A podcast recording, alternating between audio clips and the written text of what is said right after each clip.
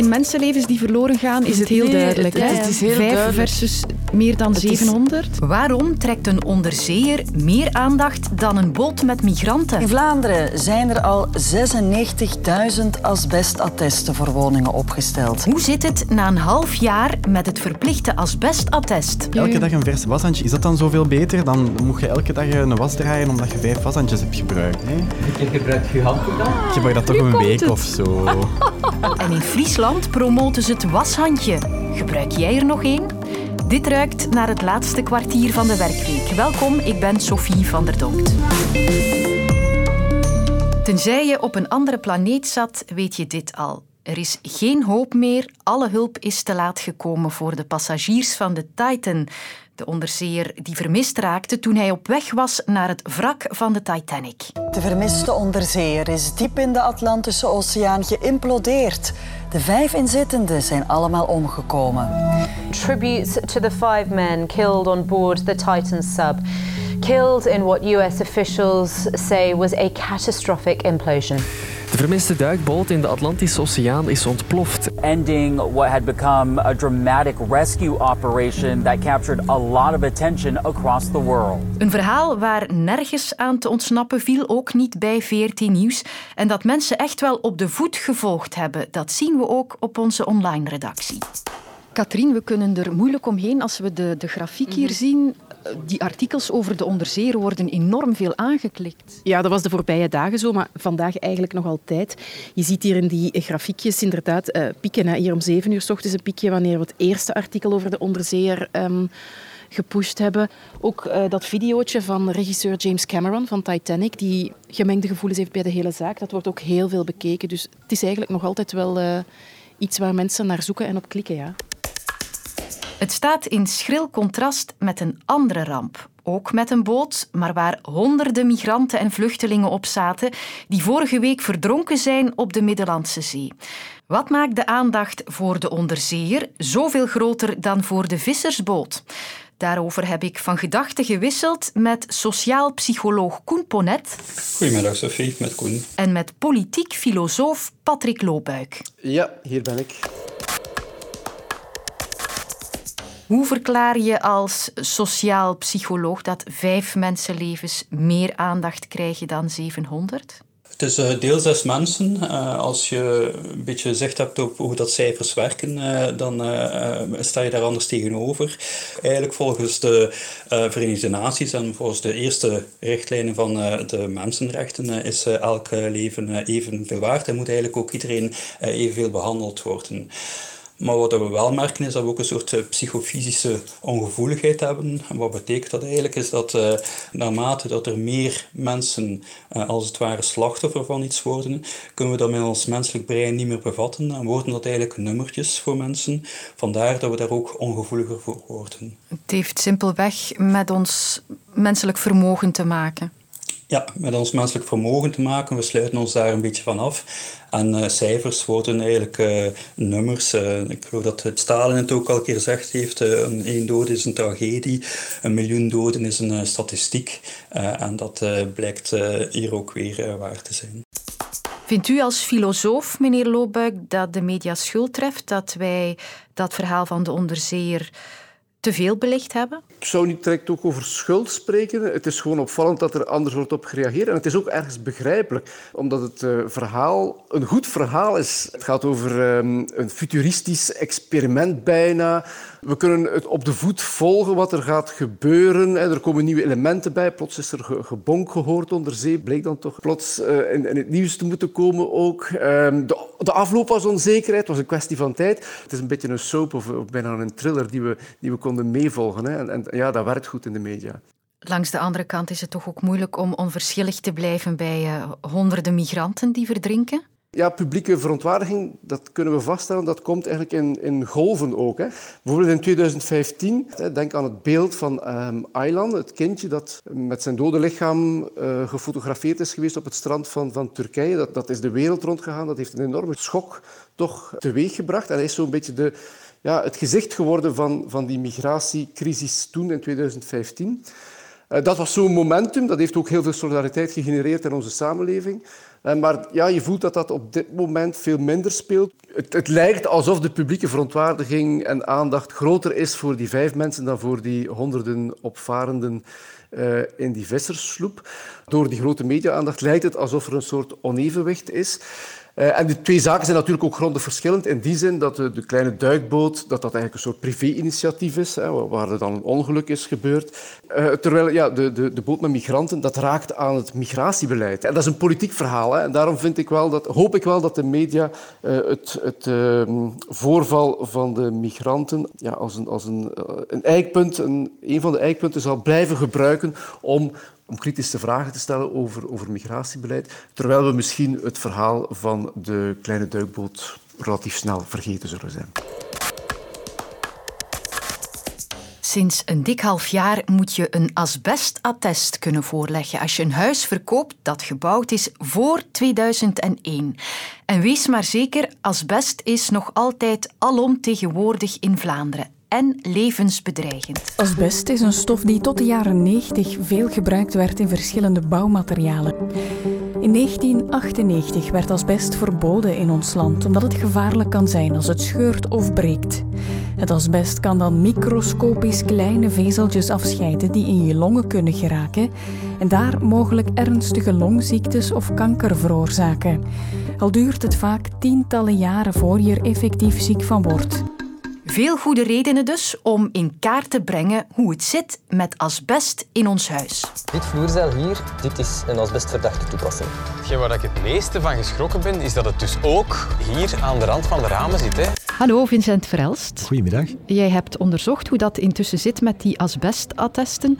Een attest dat erbij komt op een stapel andere verplichtingen al. Want als je je huis wilt verkopen, dan heb je wel een en ander nodig. Hè. Ik denk maar aan het EPC-attest bijvoorbeeld. Ja, dat is meteen de bekendste, denk ik. Hè. Het bodemattest heb je ook nodig van je woning. Het elektriciteitsattest. En dus sinds november vorig jaar ook dat asbestattest. Ja. Hoe zit het daar nu mee? Want toen, in november, hebben we gezegd... er zijn nog niet genoeg controleurs opgeleid. Is dat nog altijd het geval? Wel, ja, begin dit jaar was er toch wel een vrij lange wachtlijst. Hè, en dat zorgde voor wat frustratie.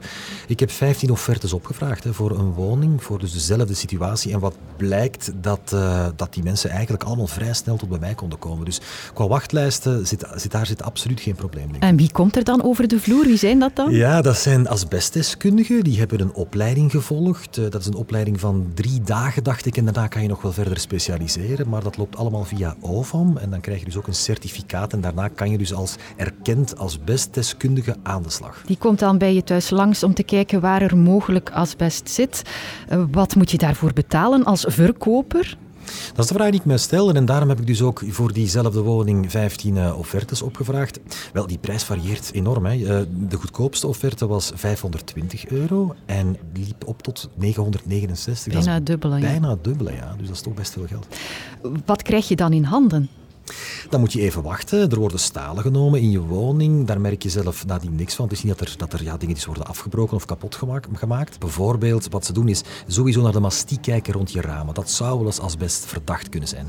Als die hard is bijvoorbeeld, zeker. Dan nemen ze daar een klein staal van. Dat merk je echt niet. Pleisterwerk doen ze standaard. Hè.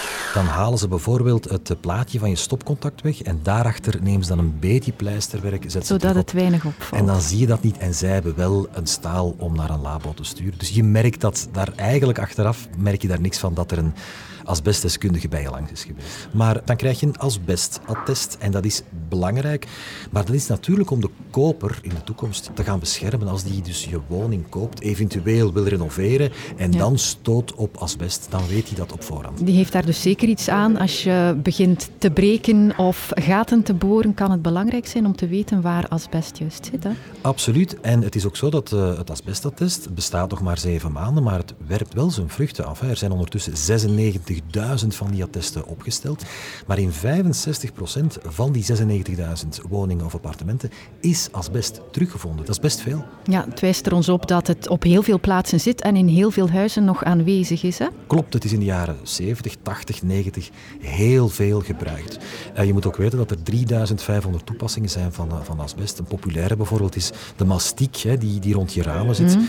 Daar zat dat eigenlijk standaard in, lang geleden. De koper heeft hier zeker wat aan, weet waar asbest mogelijk zit in het huis dat hij of zij koopt.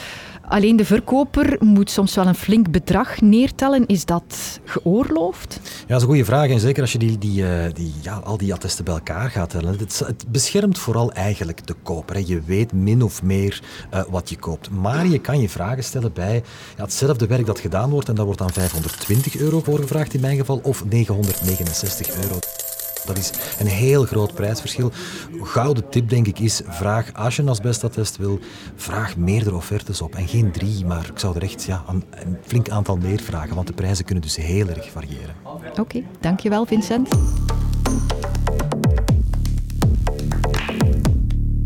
Zeg, hola Piet, wat ga je doen, hè? Uh, we slapen er hier allemaal wel, iedereen bluft hier. Maar ja, zei Freddy, ja, ik weet niet, dat het moeilijk is voor ik kwam ik heb geen washandje mee. Zeg, kind dan die. Die broek nog washandjes of wat? In 2015 wierp Freddy de Vadder de kwestie nog eens op in de fictiereeks Bevergem. Wie gebruikt er nog een washandje?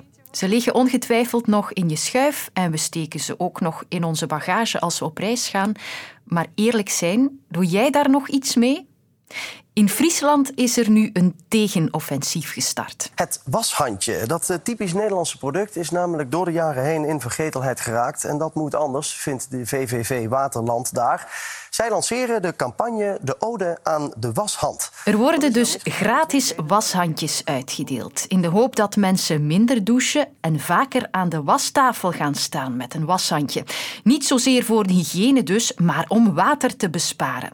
Wij zagen het niet zo zitten. Ik vind dat echt degoutant. Je legt dat op je hoofd als je s'nachts niet kunt slapen of zo. Of ja. zoiets. Maar toch niet om je te wassen, dat is toch niet hygiënisch? En hoeveel washandjes heb je nog in huis? Nul. Kom oh, ik niet meer nog binnen. een hele stapel. Echt, ik heb er geen. Ik, heb er ik gebruik dat nooit. Maar er zijn zeker nog voorstanders van de washandjestraditie. Ik ben Chris Kallewaard, onderzoeker aan de Universiteit van Gent. En ik ben gespecialiseerd in het huidmicrobioom. En ik ben eh, ook gespecialiseerd in oksels, in lijfgeur en in zweet. Niet onterecht dat hij ook wel eens dokter Oksel genoemd wordt dus. En hij moet al meteen iets bekennen. Mijn ouders hebben mij altijd geleerd om washandjes te gebruiken. Dus ik zelf ben ook een gebruiker van washandjes. Hij gelooft dus wel in het plan van de Friese. Ik denk dat inderdaad washandjes kunnen effectief zijn om water te besparen. Er is een verschil natuurlijk als je een nat washandje gebruikt, terwijl als je lopend water gebruikt, er is een groot verschil in waterverbruik dan. Een washandje kan op die manier wel veel minder water verbruiken door het gewoon te bevochten en zo te gebruiken.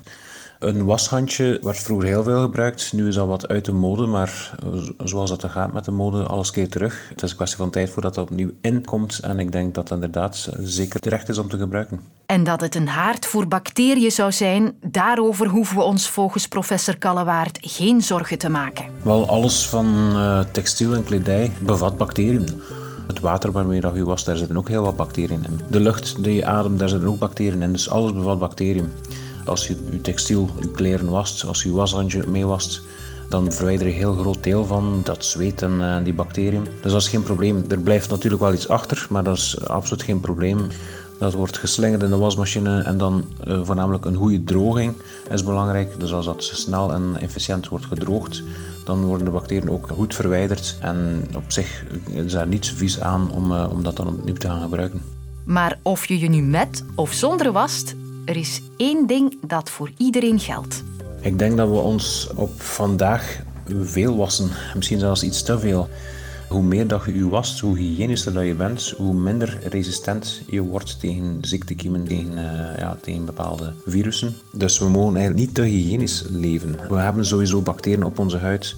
We hebben ook bacteriën in ons lichaam en die zijn van belang om ons immuunsysteem te trainen. En als we een tekort hebben aan bepaalde bacteriën of uh, bepaalde virussen die daar ook aan gelinkt zijn, dan wordt ons immuunsysteem te weinig getriggerd.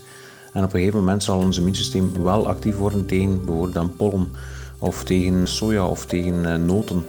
Wat eigenlijk niet nodig is. Ons immuunsysteem wil iets zoeken om, om te gaan ja, bestrijden. Terwijl dat er dan niets is om te gaan bestrijden, dan, dan gaat ons immuunsysteem dan eigenlijk fouten gaan maken.